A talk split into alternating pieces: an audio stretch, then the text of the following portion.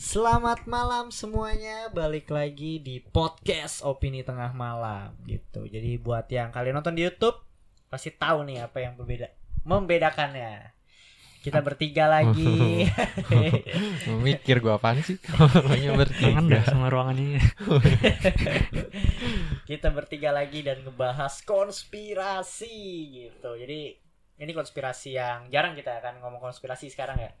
Segmen monolog monolog monolog mulu dan kita sekarang konspirasi ada Faris, ada Fedrian dan pembahasannya cukup eksklusif, cukup menarik lah pokoknya. Kalian juga sering banget nanyain pembahasan ini gitu. Jadi pembahasannya apa, Fed? WTC Apa tuh tanya? 911. Asik. Jadi pembahasannya itu kita tentang serangan 11 September 2001 ya. Hmm. Kalau kalian tahu itu saat itu ada teroris yang menabrakkan pesawat apa namanya ke WTC. Itu Iya. gedung kembar ya Hmm. saat itu ya. Gedung kembar ya. gedung kembar. Gedung ya. Gedung ya, Go. Iya. gue nggak ngerti nih. Anjing. Iya, iya. Mampus. Pikiran negatif sendiri dah. Pikiran negatif Gak gue support sekarang. WTC saat itu gedung kembarnya jatuh dan ini gue bacain dulu ya. Jadi 11 September sebuah pesawat American Airlines jenis Boeing 767 menabrak menara utara World Trade Center. Boing. gila. Iya gila. Udah. Demen dah. Dirty jokes gila. Ini gue gak ngerti.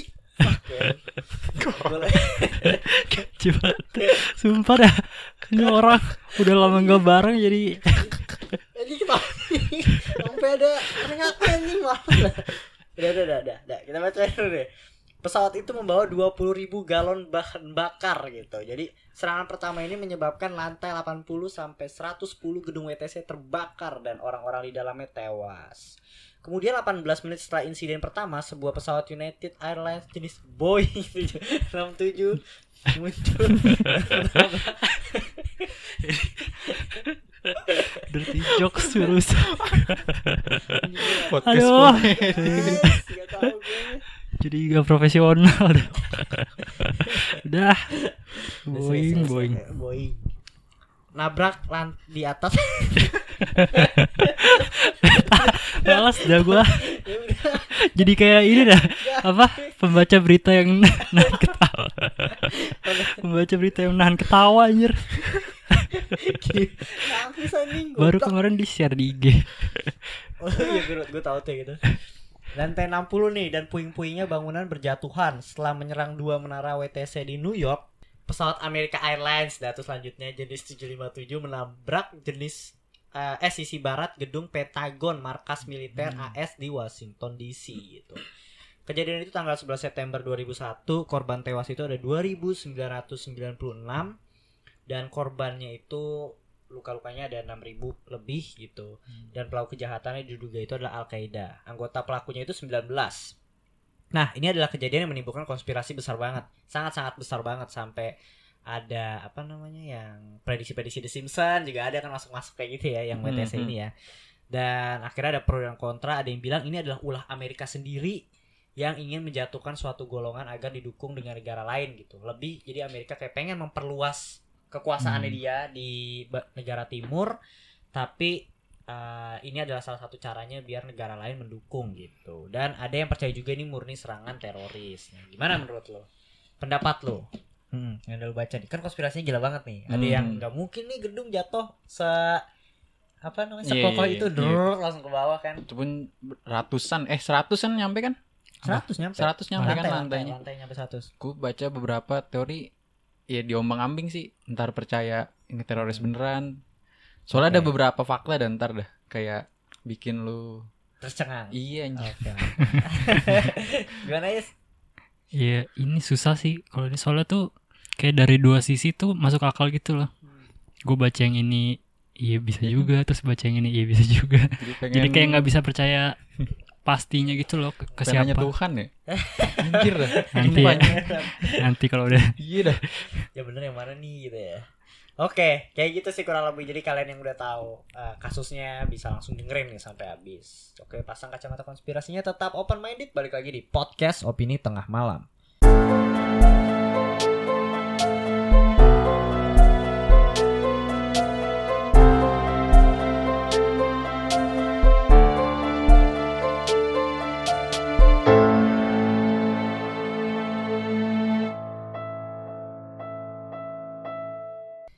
Nah, itu tadi sinopsisnya. Sebelum kita masuk, gue mau ngobrol-ngobrol dulu sama Faris Fedrian.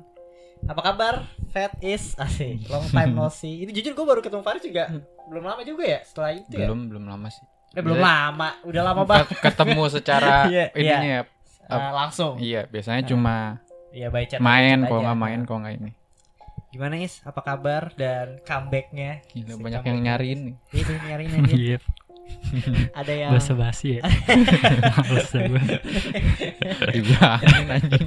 Disanjung juga. Tapi apa is kesibukannya nih sekarang nih sampai nggak bisa sering-sering apa muncul lagi gitu kan banyak juga tuh pasti pertanyaan di Ya, sibuk kerjaan sih gila. Hmm. Lagi banyak banget terus gue kan freelance jadinya freelance di website gitu kan. Hmm. Jadi kalau udah ada review tuh makin banyak yang Hmm. masuk gitu loh. Hmm. Jadi semakin ke sini malah makin banyak kerjaan bukannya bukannya dikit tapi malah makin banyak. ya bagus sih sebenarnya ya Mhm. gitu lu vet Gue masih course-course aja sih nih. Baru selesai course yang satu kan. Iya, gila. Keren ya bahasa lu sekarang tapi Course. Corona ya? Singkatan. Singkatan corona nih. Course corona Enggak anjir. ya tapi Amit-amit. kalau corona. gue mau Fedian masih sering lah masih sering Mhm. tiktokan dan by the way nih untuk konten kayak gini nih ini sebenarnya jadi apa konten yang akan panjang banget nih ya. Mungkin over durasi gitu dan juga ada beberapa hal-hal yang sebenarnya pengen kita omongin cuma kan nggak apa ya not safe for work asik Hmm. NSFW Iya ntar kalau lagi dengerin di kerja Loh kamu dukung dukung apa kamu Kamu mendukung suatu aliran ya Iya. Ntar gitu lagi Enggak, enggak pokoknya intinya konten ini uh, bakal over durasi dan takutnya kan kayak misalnya yang kemarin bilang bang kalau bahas konspirasi mah panjang-panjang aja nggak apa-apa gitu Hmm. kan. Cuma kita nggak bisa ngelakuin itu karena gitu kalau di podcast itu ya emang efektifnya hanya 45 menit maksimal gitu. ya, Gitu Karena kan kita mau me- Apa ya Mencakup semua audiens lah gitu Iya. Nggak cuma lu doang gitu yang suka Iya. durasi panjang benar. Jadi kita nyari-nyari tengah-tengahnya gitu lah akhirnya kita nemu solusi gitu. Jadi ya emang untuk 45 menit jadi biar bisa general juga dan kita nyari dapat solusinya. Kita bakal bisa panjang gitu dan kita Mhm. bisa bahas mungkin uh, tema-tema atau beberapa satu tema ini ada beberapa hal yang emang sebenarnya sedikit sensitif gitu atau ada informasi tambahan lah ibaratnya informasi tambahan gitu. Dan kayaknya lebih bagus nggak kalau nggak tayang di publik gitu. Nah jadi kita akan ada eksklusif konten di karya karsa gitu. Jadi misalnya simpel ya contoh nih gue kasih contoh ya. Misalnya durasi ini kan bakal panjang banget bahas ini. Mungkin bakal lebih dari satu jam nggak Hmm. efektif dong kalau di Hmm. podcast. Jadi di podcast hanya 45 menit aja.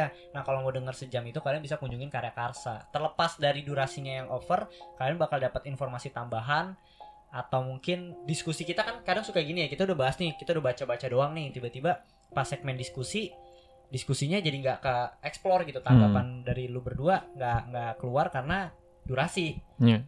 jadi mungkin akan yang over durasi itu akan kita bikin eksklusif di karya karsa gitu. Dan biar aman biar juga yang yang denger juga ngefilter ya yang denger bener-bener open minded gitu Hmm. jadi jadi ya kita taruh eksklusif dan kalau seandainya kalian mau kunjungi karya karsa ibaratnya kalian inilah apa namanya mengeluarkan uang jajan sedikit gitu ya mahalan boba lah Iya lah itu. iya kan Gak mahal. nggak mahal gitu. Nih episode pertama ini juga ya di 911 ini ya. Jadi kita akan masukin ke karya karsa eksklusif kontennya. Jadi kalian kalau misalnya dengerin di karya karsa kalian akan dapetin informasi tambahan dua Hmm. informasi tambahan khususnya nanti bakal gua kasih tahu juga mana yang dipotong dan lain-lain gitu mungkin diskusinya ya gitulah singkatnya oke langsung masuk aja untuk serangan 911 nih Jadi, serangkaian empat serangan bunuh diri yang telah diatur terhadap beberapa target di New York City dan Washington DC pada tanggal 11 September 2001. 19 pembajak dari kelompok Al-Qaeda membajak empat pesawat jet penumpang. Para pembajak sengaja menabrakkan dua pesawat ke menara kembar World Trade Center di New York City. Kedua menara kemudian runtuh dalam kurun waktu dua jam. Pembajak juga menabrakkan pesawat ketiga ke Pentagon. Pesawat keempat jatuh di dekat Pennsylvania dan gagal mencapai target. Akibat penumpang yang penumpang melawan yang melawan teroris. Oh, berarti ada yang ini keren sih rebel keren, ya, keren, rebel. ini keren, itu banget Ya. Biasanya gue nonton ada. dokumenterinya tuh di YouTube, di YouTube. Terus dugaan dugaan tersebut langsung jatuh kepada eh, Al Qaeda. Amerika Serikat kemudian merespon serangan ini dengan meluncurkan perang melawan teror dengan menyerang Afghanistan untuk menggulingkan Taliban yang melindungi anggota-anggota Al Qaeda. Banyak negara yang memperkuat undang-undang anti terorisme mereka dan memperluas kekuatan penegak hukumnya. Pada Mei 2011, setelah diburu bertahun-tahun, Presiden Barack Obama kemudian mengumumkan bahwa Bin Laden ditemukan dan ditembak mati oleh marinir AS, walaupun belum ada bukti yang dipublikasikan yang menyatakan kematian tersebut dengan gamblang. Yes, jadi eh, itulah kurang lebih tentang 911 ini sendiri dan itu tadi udah ada sedikit konspirasinya juga ya apakah itu ulah Amerika sendiri atau emang itu murni kejahatan dari eh, teroris gitu. Dan ini juga beritanya sempat rame banget sih 2011 lu dengar gak sih Apa? Hmm, Eh, kematiannya si Bin Laden? Iya kan? Ini saya SMP. Ya SMP lu gak pernah Hmm. dengar? gua nggak nggak Enggak. tahu gituan sih. Anjing itu sempat rame banget. Banyak Cuma pasti di TV meme ada sih. juga ya. Apa? Banyak dijadiin meme Oh. fotonya. Oh iya iya iya banyak banyak meme juga. Kalau ini Nurdin M Top Kayaknya pernah denger dah. Iya Top. masa pernah denger lu. anjir itu Tapi di TV ada pasti pernah lihat. ada itu Iya. itu salah satu terbaik juga sih nge nge- Bikin gue takut ya gue tuh dulu. Iya. Nurdin M Top. Iyalah, serem Iya, dulu- bisa nyamar-nyamar ya gue, Fet. Iya, Iya, iya. iya, oh iya bisa jalan-jalan. Fotonya banyak Iya iya. Jadi inget tuh gue. Lu itu itu cukup cukup cukup terkenal pada masanya itu waktu itu. Hmm. Eh, apa sih teroris saat itu ya? Oke, nah ini jadi kronologinya nih. Sekarang tadi tadi kita udah bahas sedikit sinopsisnya, sekarang masuk ke kronologinya gitu. Nah, jadi pagi 11 September 2001 11 eh 19 pembajak mengambil alih empat pesawat komersial yang sedang terbang menuju San Francisco, Los Angeles. Lanjutin, Fed. Jatah lupa, gue lupa. Sampai mana lagi lu? Los Angeles. Nah, pertama. terus pesawat dengan penerbangan jarak jauh sengaja dipilih untuk dibajak karena mengangkut bahan bakar yang lebih banyak. Terus pada pukul 8.46 eh, pesawat pertama menabrakkan American Airlines penerbangan 11 ke Menara Utara WTC. Dan pada pukul 9.03 pesawat kedua lainnya menabrakkan United Airlines penerbangan 175 ke Menara Selatan. Hmm. Terus lanjut pesawat ketiga menabrakkan American Airlines penerbangan 77 ke Pentagon pada pukul 9.37 pagi. Nah, jadi emang yang pesawat pertama itu eh, dibajak tuh ya pagi. Beda-beda ya? Iya. Jadi Hmm. ada ada empat pesawat dong berarti ya. Hmm. Empat pesawat. Yang pertama itu nabrak ke WTC. Yang kedua nabrak WTC juga. Hmm. Yang ketiga Pentagon. Yang ketiga Pentagon ya. Nah, yang keempat nih, yang keempat seru banget nih. Yang keempat itu jatuh dekat Sunville, Pennsylvania pada pukul 10 pagi. Setelah penumpangnya melawan para pembajak gitu. Jadi dia eh, jatuh karena penumpangnya memberontak. Rekaman suara kokpit pesawat keempat menemukan bahwa awak pesawat dan penumpang berusaha mengambil alih pesawat dari pembajak. Sadar bahwa pesawat yang mereka tumpangi tidak kembali ke bandara seperti yang dijanjikan teroris, kelompok penumpang dan pramugari pun merencanakan sebuah pemberontakan. Salah satu penumpang bernama Thomas Burnett JR mengatakan kepada istrinya melalui telepon, saya tahu bahwa kami semua akan mati, namun ada tiga orang di antara kami yang akan melakukan sesuatu. Saya mencintaimu sayang, anjing gue merindingnya. Kayak kata-kata terakhirnya dia gitu loh. Penumpang Hmm. lainnya bernama Todd, Todd Bremer yang terdengar mengatakan, apakah kalian siap? Mari laksanakan katanya. Terus Sandy Bradshaw, seorang pramugari menghubungi suaminya dan menjelaskan bahwa ia sudah menyelinap ke dapur dan sedang mengisi teko dengan teko dengan air mendidih. Oh ini buat nyiram ya? Hmm. Pesan terakhirnya ke sang suami, semua orang sudah berlari ke kelas utama. Aku harus pergi sampai jumpa. Anjir merinding lagi gue. Kayak para penumpang mencoba melawan empat pembajak pesawat dan menyerang kokpit dengan tabung pemadam kebakaran. Pesawat kemudian terbalik dan menuju ke tanah dengan kecepatan 500 mil per jam. Menabrak pedesaan di Pennsylvania Barat pukul 10 uh, lewat 10 pagi. Sekitar 40 orang tewas di dalam pesawat tersebut. Gimana gimana? Lo ada fakta lain gak terkait apa namanya yang keempat ini nih? Ini karena gue akuin nggak mudah maksud gue ketika pesawat dibajak dan penumpangnya tuh kayak berani gitu loh. Ayo kita lawan gitu.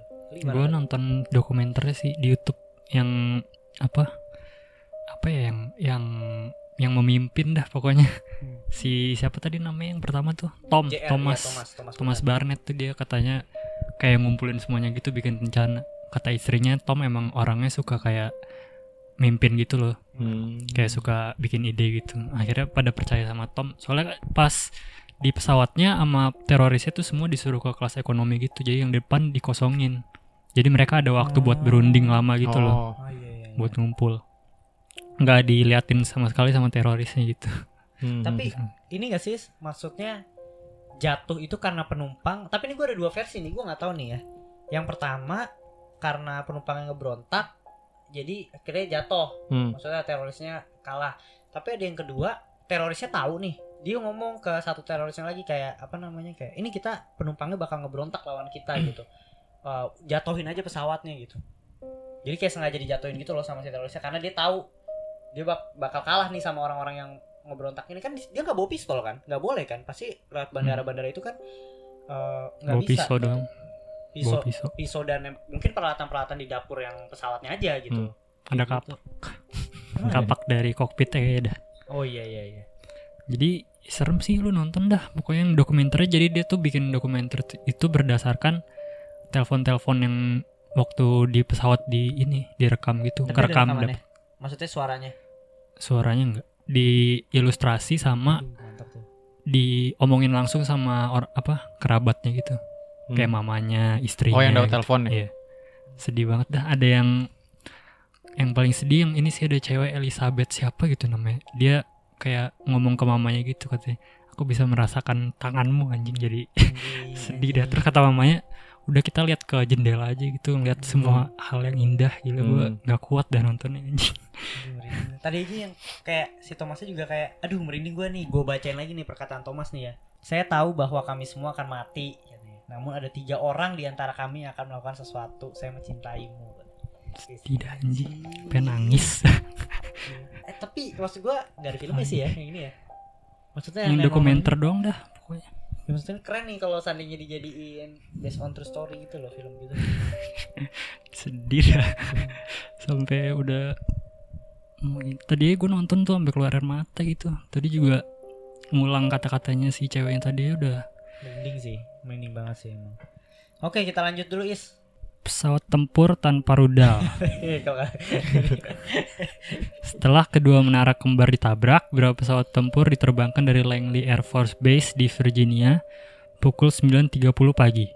Pada pukul 10.20 pagi, beberapa pemerintah dikeluarkan untuk menembak jatuh setiap pesawat komersial yang berpotensi dibajak. Perintah ini tidak tersampaikan tepat waktu bagi pesawat tempur untuk mengambil tindakan.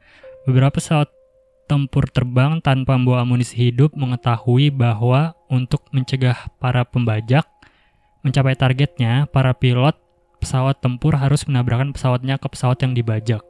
Mungkin dengan meluncur keluar dari pesawat tempur pada saat-saat terakhir. Iya, jadi katanya nih gitu, pesawat tempur tanpa rudal. Jadi pas saat tahu ya, pas tahu pertama ini sebenarnya aneh sih, ini aneh banget. Ketika tahu dibajak, akhirnya kan udah nyebar tuh berita langsung kan udah pasti intelijen intelijen Amerika udah tahu lah, nggak mungkin nggak tahu gitu. Mereka nerbangin pesawat tempur untuk dampingin pesawat-pesawat Amerika yang masih terbang. Yang masih terbang karena takutnya dibajak juga, berpotensi dibajak juga. Tapi anehnya dia nggak di mereka lupa di alasannya sih lupa ya lupa membawa rudal gitu amit-amitnya gitu maksudnya kalau saat itu pas yang didampingin itu ternyata di dikendarain sama terorisnya dia nggak bisa jatuhin pesawat itu. Dia harus nabrakin pesawat itu berarti. Aneh gak sih sebenarnya? Maksud gue dengan kondisi yang kayak gitu ya lu tahu nih apa negara lu lagi di kayak gitu lagi dibajak pesawatnya tapi lu nyuruh dampingin pesawat-pesawat lain tanpa bawa rudal. Gitu. Tapi gue bingung juga sih kalau udah di udara gitu cara cara cara nyetopinnya. Iya, sudah ditembak. Ditembak, ditembak, ditembak ya, tembak hancur. Tapi kalau tembak hancur bakal Penumpangnya, ada penumpangnya. ada penumpangnya sama pasti kan nggak mungkin an- hancur kan langsung lenyap kan Iya. gitu pasti ada Kena jatuh bawahnya ini, ntar ke ini sih. Ih, bingung juga sih ngetopnya. Gue nggak tahu proses prosedurnya dah. Nah, kalau nanti ada deh kalau nggak salah prosedurnya nih. Nanti kita bacain dulu ya. Nah, target sebenarnya. Jadi pada wawancara bulan September 2002 ini dari Khalid Sheikh Muhammad dan Ramzi bin Al-Si- Al-Sib yang diduga telah mengatur serangan tersebut mengatakan bahwa target utama penerbangan 93 adalah United States Capitol bukan Gedung Putih katanya. Muhammad juga mengatakan uh, Al-Qaeda awalnya berencana menargetkan instalasi nuklir bukan World Trade Center dan Pentagon katanya. Jadi targetnya bukan itu katanya. Hmm. Namun mereka memutuskan tidak jadi, khawatir semuanya menjadi tidak terkendali katanya. Keputusan terakhir dalam menentukan target menurut si uh, si narasumbernya adalah ada di tangan para pilot gitu. Jadi emang udah dikasih target nih, Hmm. target A B C D gitu, tapi keputusan terakhir itu ada di tangan pilot mau di mau di uh, nabrakinnya ke mana. Ada yang bilang sih gedung putih wah gila kalau gedung putih chaos banget sih saat itu juga. iyalah petinggi petinggi bukan tinggi lagi itu mah udah nomor satunya kan di sana Tapi di dokumen ini sih, dokumenter yang gue lihat yang di penerbangan 93 itu Hah? mereka muter-muter gitu pesawatnya. nyari ya Jadi kayak udah udah mau jatuh nih, yang nelpon udah kayak kita mau mau jatuh nih mau jatuh terus tiba-tiba naik lagi muter lagi gitu. Kayak mereka emang berubah-berubah gitu ya. Pilotnya pilotnya. Jadi kayak emang emang dua kali apa berapa kali gitu muter balik muter balik. Berarti berarti yang ngendarain pes oh tetap pilot nggak sih? Tetap pilot ya? pilot pilot. Iya. pilot teroris bisa milot. Oh. Kan pilotnya kalau- dibunuh. Apa? pilotnya dibunuh. Oh teroris pilotnya? Biasa kan kalau di Iya. film-film kan Eh, cuma disandra. iya disandra Ah, doang dibunuh. kan. Mereka pilot yang masuk tuh oh Bisa gua ngendaliin tahu itu. sih gue juga baru gue tahu. kira kayak disandra doang kan Bim yang kayak di film-film ditodong dibunuh anjir pilotnya Iya, ini sebenarnya jadi pertanyaan sih gimana cara nanti deh itu di terakhir di terakhir terakhir di terakhir. Iya kayak gitulah kurang lebih. Nah, habis itu lanjut masuk lagi nih. Eh by the way ini gue sumber-sumbernya gue cari dari yang terpercaya ya. Itu kalian bisa juga cari ya di di internet Hmm. gitu, nggak main ngomong asal doang nih gue ada skripnya gitu. Nah, setelah kejadian gitu, jadi semua pesawat di daratan Amerika tuh terpaksa menda di harus mendarat gitu yang lagi terbang juga. Dan semua pesawat sipil internasional diterbangkan untuk pulang atau dialihkan ke bandara-bandara di Kanada atau Meksiko. Dan semua penerbangan internasional dilarang mendarat di Amerika Serikat selama tiga hari katanya. Nah berjam-jam setelah serangan FBI mengeluarkan nama-nama pembajak dan pilot yang dicurigai adalah Mohamed Atta dari Mesir merupakan ketua dari 19 perampas dan salah seorang pilot gitu. Atta tewas dalam serangan bersama semua pembajak yang lainnya, tapi bagasi terdapat kertas-kertas yang mengungkapkan identitas semua 19 penja- pembajak dan petunjuk-petunjuk penting mengenai rencana atau motif dari serangan 11 September 2001 gitu. Nah, nah investigasi FBI terhadap kejadian yang bernama kode operasi Pent Bom merupakan upaya investigasi yang terbesar dan paling rumit dalam sejarah FBI gitu, melibatkan lebih dari 7.000 agen khusus. Kerajaan Amerika Serikat menemukan bahwa Al-Qaeda pemimpin Osama bin Laden bertanggung jawab atas serangan ini. Sementara FBI mengatakan bahwa bukti yang mengaitkan Al-Qaeda dan bin Laden dengan serangan September sudah jelas dan tidak dapat disangkal lagi gitu. Dan hal ini juga yang gue baca Osama bin Laden juga ngaku gitu. Pas apa sih kayak buat video gitu terhadap kejadian tersebut. Persis sebelum pemilihan presiden Amerika Serikat pada tahun 2004 di dalam sebuah pernyataan video terekam Osama bin Laden mengakui keterlibatan Al-Qaeda pada penyerangan Amer- Amerika Serikat dan mengakui hubungan dia secara langsung pada serangan tersebut. Dia berkata bahwa serangan tersebut dilakukan karena kami bebas untuk mendapatkan kebebasan bagi negara kami. Seperti kalian meremehkan keamanan kita, kita juga bisa meremehkan keamanan kalian, katanya Bin Laden. Dalam video tersebut dia berkata kami telah sepakat dengan Komandan Jenderal Muhammad Atta bahwa semua operasi akan dilaksanakan selama 20 menit sebelum Bush dan pemerintahnya menyadari. Oh, jadi presiden saat itu masih eh, George Bush ya. Hmm. Gitu. Dan video lainnya yang didapat ditayangkan oleh Al Jazeera pada September 2006 menunjukkan Osama bin Laden bersama dengan Rasmi tadi yang salah satu pembajaknya dan dua pembajak lainnya bersiap-siap untuk menyerang gitu. Dan namun lima hari berselang dalam sebuah pernyataan di stasiun televisi Al Jazeera Osama menegaskan ia tidak terlibat dengan peristiwa 11 September dan menyatakan bahwa pemerintah Amerika bohong dengan menjadikan ia kambing hitam untuk tujuan tertentu gitu guys. Gimana pendapat kalian? Gak tahu juga ya. Iya bingung ya. Tapi gue baca cuma yang Osama yang aku sih. Sama yang aku kalau kalau dia emang yang apa mastermindnya gitu dah. Dari kejadian itu. Videonya Riz. artikel doang sih. Oh. tapi emang saat itu maksudnya kita juga kalau browsing semua juga Iya sih. ke sana udah pasti udah pasti ke sana gitu loh. Ya nggak tahu lah. Itu emang apa namanya Tapi kenapa dia sampai ribet-ribet ini ya? Kayak menyangkal bukan dirinya. ya? Padahal mah namanya teroris malah seneng ya. Iya kan? Berhasil. iya teroris kan emang Makanya itu yang jadi kadang-kadang gue bingung dah. Tadi habis baca kayak ngapain ribet-ribet klarifikasi. itu bener gitu. ya menyangkal nggak tahu So, gue bener, Ini- gue pernah lihat ada ininya sih ada beritanya dulu. Kayak Tapi- pas gue research ini ya 911.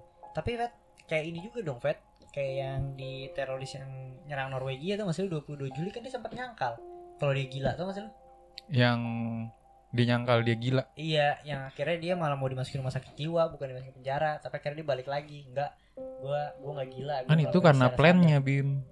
kagak plannya dia sempat Bukan ke- plannya. dia bilang kata pengacara kalau seandainya lu lu ngaku jadi gila, gila Nggak di penjara kan? nggak di penjara di rumah sakit jiwa nah terus habis itu si terorisnya di film itu dia berpikir wah kalau kayak gini tuju- tujuan gue gagal dong. Buat apa tujuan gue namanya juga gue teroris ya tujuan gue adalah menyebar teror.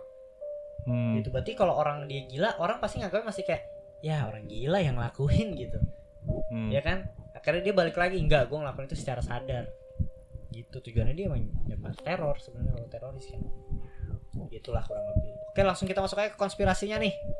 Mungkin Faris is boleh? Atau Fedrian konspirasinya survei majalah AS Life Science mengungkap sebagian besar orang Amerika atau 53% percaya bahwa pemerintah AS menyembunyikan informasi penting tentang serangan 9/11.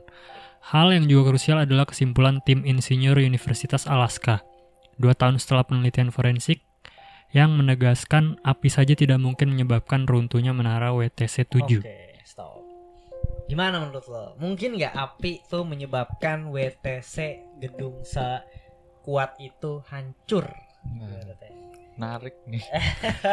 Sebenarnya dari paling menarik tuh dari runtuhnya gedung ini nih Iya ya. dibanding semuanya anjir. Iya, gue juga ngerasa gitu sih. Kenapa? Iya maksudnya aneh gitu loh, Is. Gedung sekokoh itu hancurnya kayak dengan Das, Hmm. soalnya dia ditabraknya di atas kan, bukan di bawah kan sebenarnya. Tapi nggak tahu juga ya, ini gue juga bukan ahli juga, Nanti bukan anak arsitektur juga kan gue. Iya Kan sih. belum nyampe sana. Mm-mm. Gue mau lihat analisa lu aja, Fed. Gimana, Fed? Api ya tadi lu bilang api Iya, kan? api. Ya awalnya gue mikir kayak kayaknya sih nggak mungkin sih. Tapi tadi pas gue baca sih jadi mungkin juga. Tapi pertamanya dah, Hmm. pertamanya kayaknya nggak mungkin dah api. Apalagi Apa? mungkin gak sih Besi Ya, mungkin- meleleh. mungkin aja. Besi- besi meleleh. Besi meleleh terus soalnya tadi bener kata lu bim itu di atas. Iya, ditabraknya di atas di lantai berapa tuh. Iya kan? Habis itu ada gambar gedung terus ada ledakan keluar. Kayak sih lo? Iya tuh, debunya ya. Iya. Debu. Oh iya, gue pernah lihat tuh. Iya. Gimana tuh, Is? Kalau menur- menurut Faris nih? Api Iya, bisa nggak bisa. menyebabkan roboh ya? Itu Bisa lah. bahas api. Bisa kayaknya menurut gue. Itu berapa lama sih jatuhnya? Eh, menitan kan itu menit kan? 10 dah kalau nggak salah 10 10 menit menit. ya? Jadi Langsung jatuh semua. iya. Oh iya, langsung rata matana. Tadi katanya dua jam. Beda ya. Dua jam tuh kalau saya gedung sebelahnya bukan sih? Mm-mm. Ada 10 menit kok menitan. Tergantung waktunya sih. Kalau misalnya lama sih masih mungkin deh. Gak kuat. Soalnya ya nggak usah sampai meleleh sih. sampai kebakar sampai sampai apa? Sampai lemes gitu dah. jangan jangan sampai jangan sampai leleh. Ja- ja- Jadi Iya, bisa iya, dibengkokin gitu loh. ya. Iya bisa dibengkok. Soalnya kan pesawatnya aja kalau nggak salah berapa? Seribu ton ya? Bahan ben- bahan bakar Enggak, bensin. eh, berat pesawatnya. Oh iya, iya. Itu itu baru pesawatnya doang loh. Beratnya seribu ton akan ke bawah. Hmm. Belum gedung di atasnya tuh yang udah kepotong. Nah, itu kan Nggak ada ngepres juga kan ngepres ke bawah terus neken yang besi-besi leleh itu gitu sih mungkin Hmm, oke, masih oke lah itu. Gue juga ya masih masuk akal aja lah. Kita lanjut dulu ya nih. Guys, akademi yang ikut meneliti peristiwa 9/11, Profesor David Ray Griffin mengatakan ajaib jika gedung roboh tanpa bahan peledak. Lebih jauh, Griffin yang mengajar filosofi di Claremont School of Technology, California, dalam bukunya Buzz and Kenny How They Run America and the World, melontarkan teori lain yang tidak kalah kontroversi kontroversialnya nih yang menyebutkan 911 merupakan peristiwa yang diorkestrai sebagai jalan menguasai Timur Tengah katanya. Nah, Griffin bahkan mempertanyakan kemungkinan serangan 911 merupakan copy paste operasional Northwood. Tahu nggak operasional Northwood? Lu? Enggak. Nggak tahu ya. Operasional Northwood itu batal dieksekusi di masa kepresidenan John F. Kennedy. Jadi operasional Northwood pada dasarnya merupakan inisiasi serangan teror dalam negeri yang ujungnya menyalahkan komun- komunisme Kuba yang menjadi dalih invasi demi menggulingkan diktator Fidel Castro. Gitu. Jadi John F. Ken- F. Kennedy itu sempat pengen melakukan operasional ini untuk kayak serangan dalam negeri, kayak serangan di dalam aja tapi dia nyalain orang luar gitu. Nah, Hmm. kalau nggak salah ini tuh sering banget dipakai di film is. Kalau kamu inget nih X-Men First Class terakhir yang di serangan Kuba misil, tau kan? Nah itu Hmm. tuh di di salah satu ngambil dari si operasional Northwood ini gitu. Emang terkenal banget sih nih si yang masalah Kuba ini waktu John F Kennedy gitu dan katanya WTC ini mengambil konsepnya si F Kennedy gitu. Jadi dia nyerang sendiri, nyalahin orang luar. Ada hal-hal yang mengganjal nih.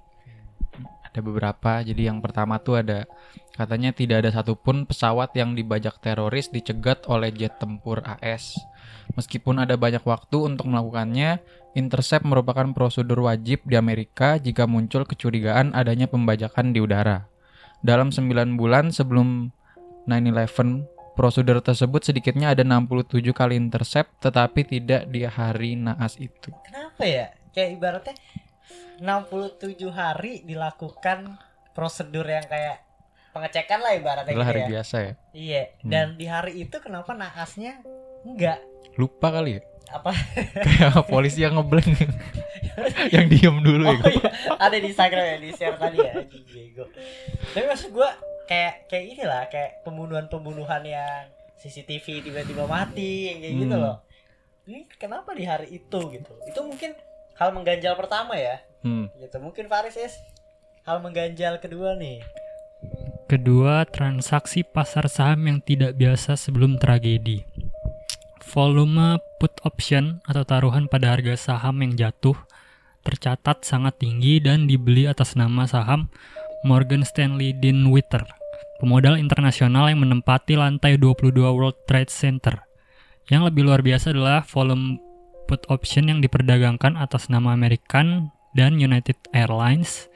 Penerbangan yang mengoperasikan empat pesawat tersebut Yang dibajak teroris pesawat. Oh iya, empat pesawat yang di Oh itu jadi juga apa sahamnya Iya. ini apa nggak nggak masuk akal gitu naiknya apa turunnya. Sebelum sebelum sebelum kejadian Iya. itu. Nah, Terus untuk saham dua maskapai pener- penerbangan ini tingkat perdagangan keduanya naik 1200 oh naik naik 1200 persen tiga hari sebelum bencana.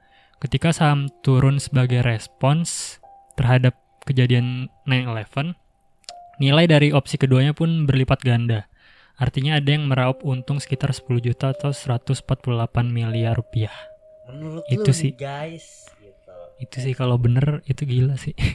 Gue juga kurang paham ya masalah saham ya. Hmm. Intinya ada orang yang beli nih, nih lagi jatuh nih, ada Hmm. saham lagi jatuh nih. Terus dia beli, Hmm. dia beli yang ngasih ini kalau salah revisi nanti ya.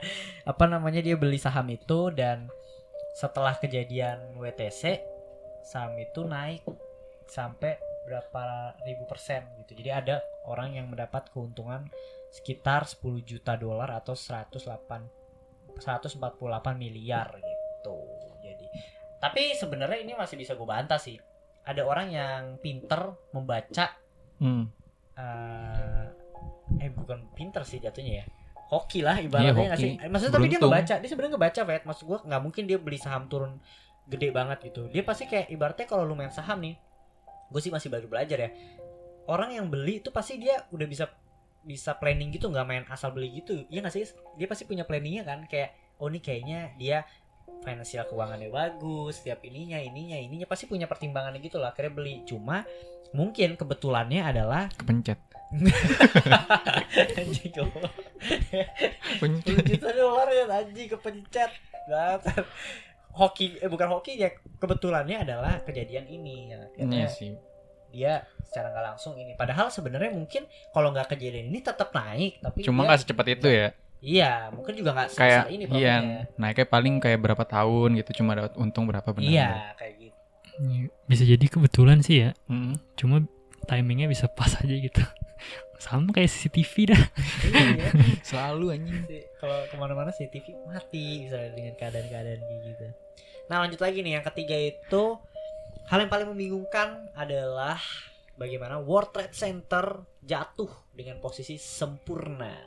Mas Demian Versi resmi menyebutkan menara kembar runtuh karena kolom-kolom baja konstruksi meleleh akibat panas dari api bahan bakar dari kedua pesawat yang menghantamnya.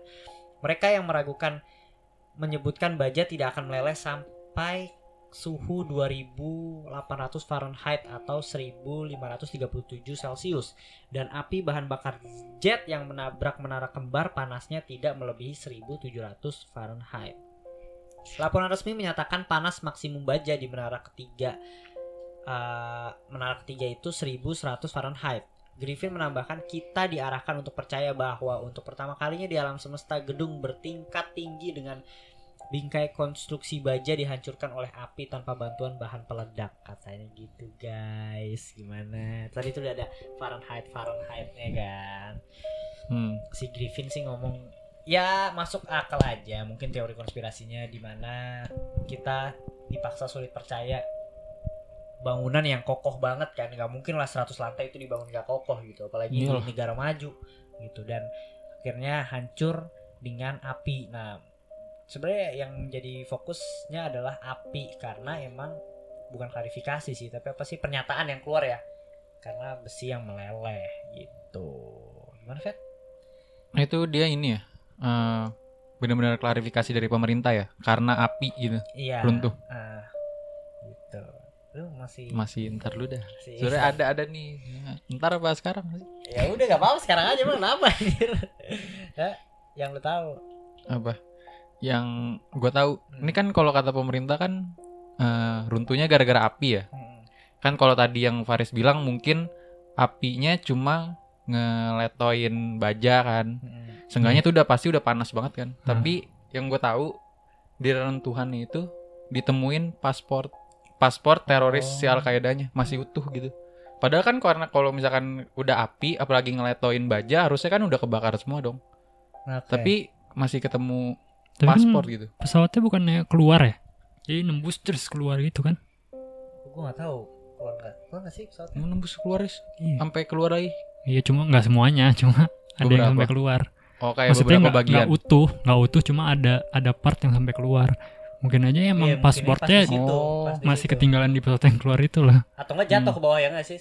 Kan habis itu runtuh, Mm-mm. ya kan? Menurut gue Hmm. sih yang masuk akalnya masih di pesa- reruntuhan pesawat itu terus jatuh ke bawah, jadi dia masih utuh gitu nggak kena Karena nggak apinya. langsung meledak kan ya? Hmm. Nggak langsung meledak kan pas nabrak ya? Meledak kok, Langsung tapi yang di belakang.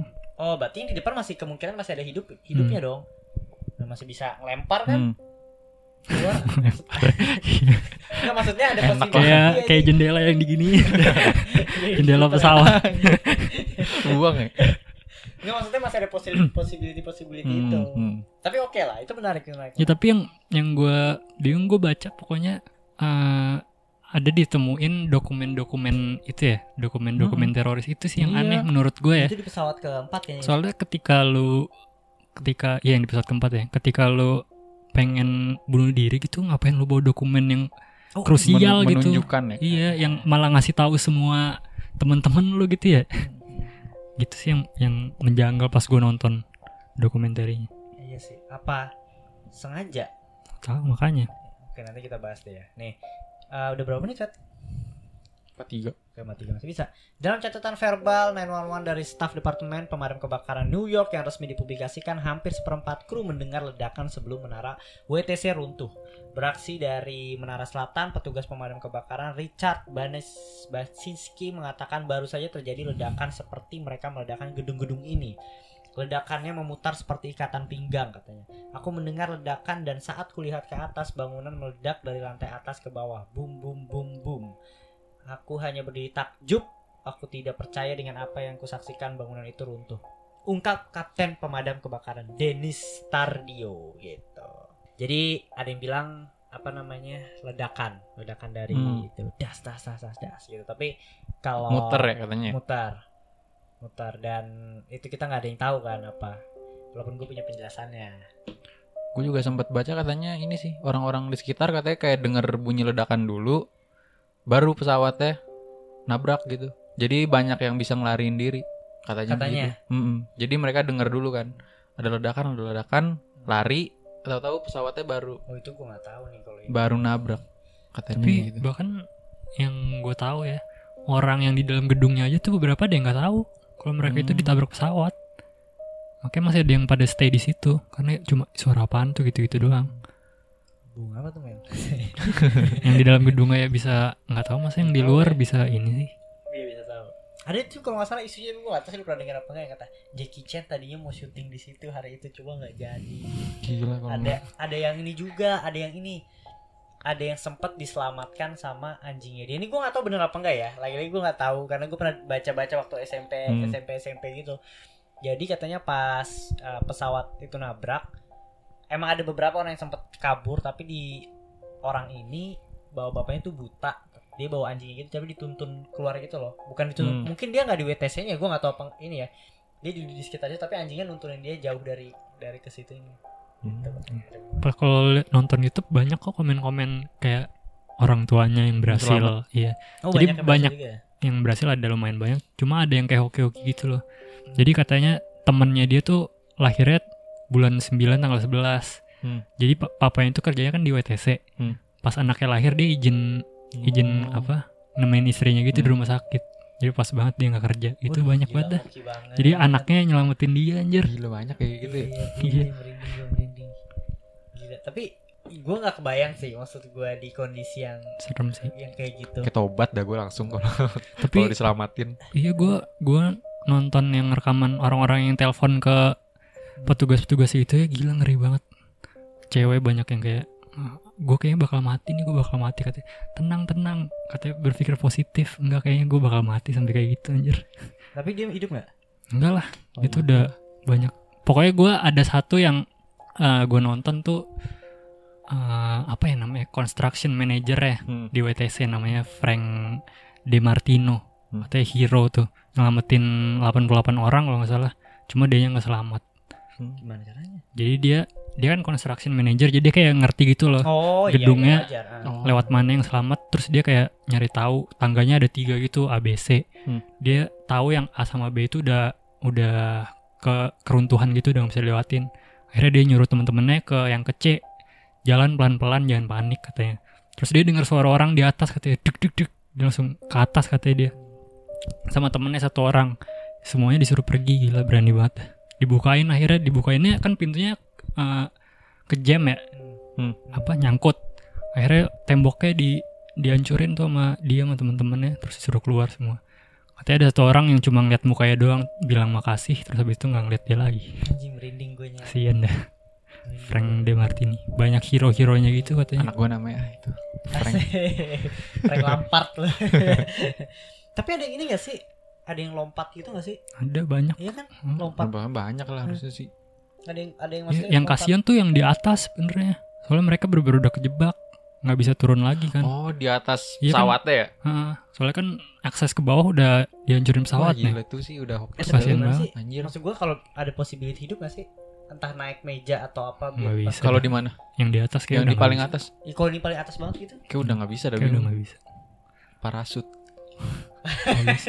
Goblok. biasanya kalau GTA di atas, paling atas ada parasut iya ada di atas gedungnya ada parasut ya. Anjing, tapi itu mah udah pasti mati lah udah gitu Iyalah. udah aksesnya udah kepotong Iya makanya yang yang terjun gitu kayak yang udah di atas gitu deh. Ya gue kalau gitu sih mending nunggu aja.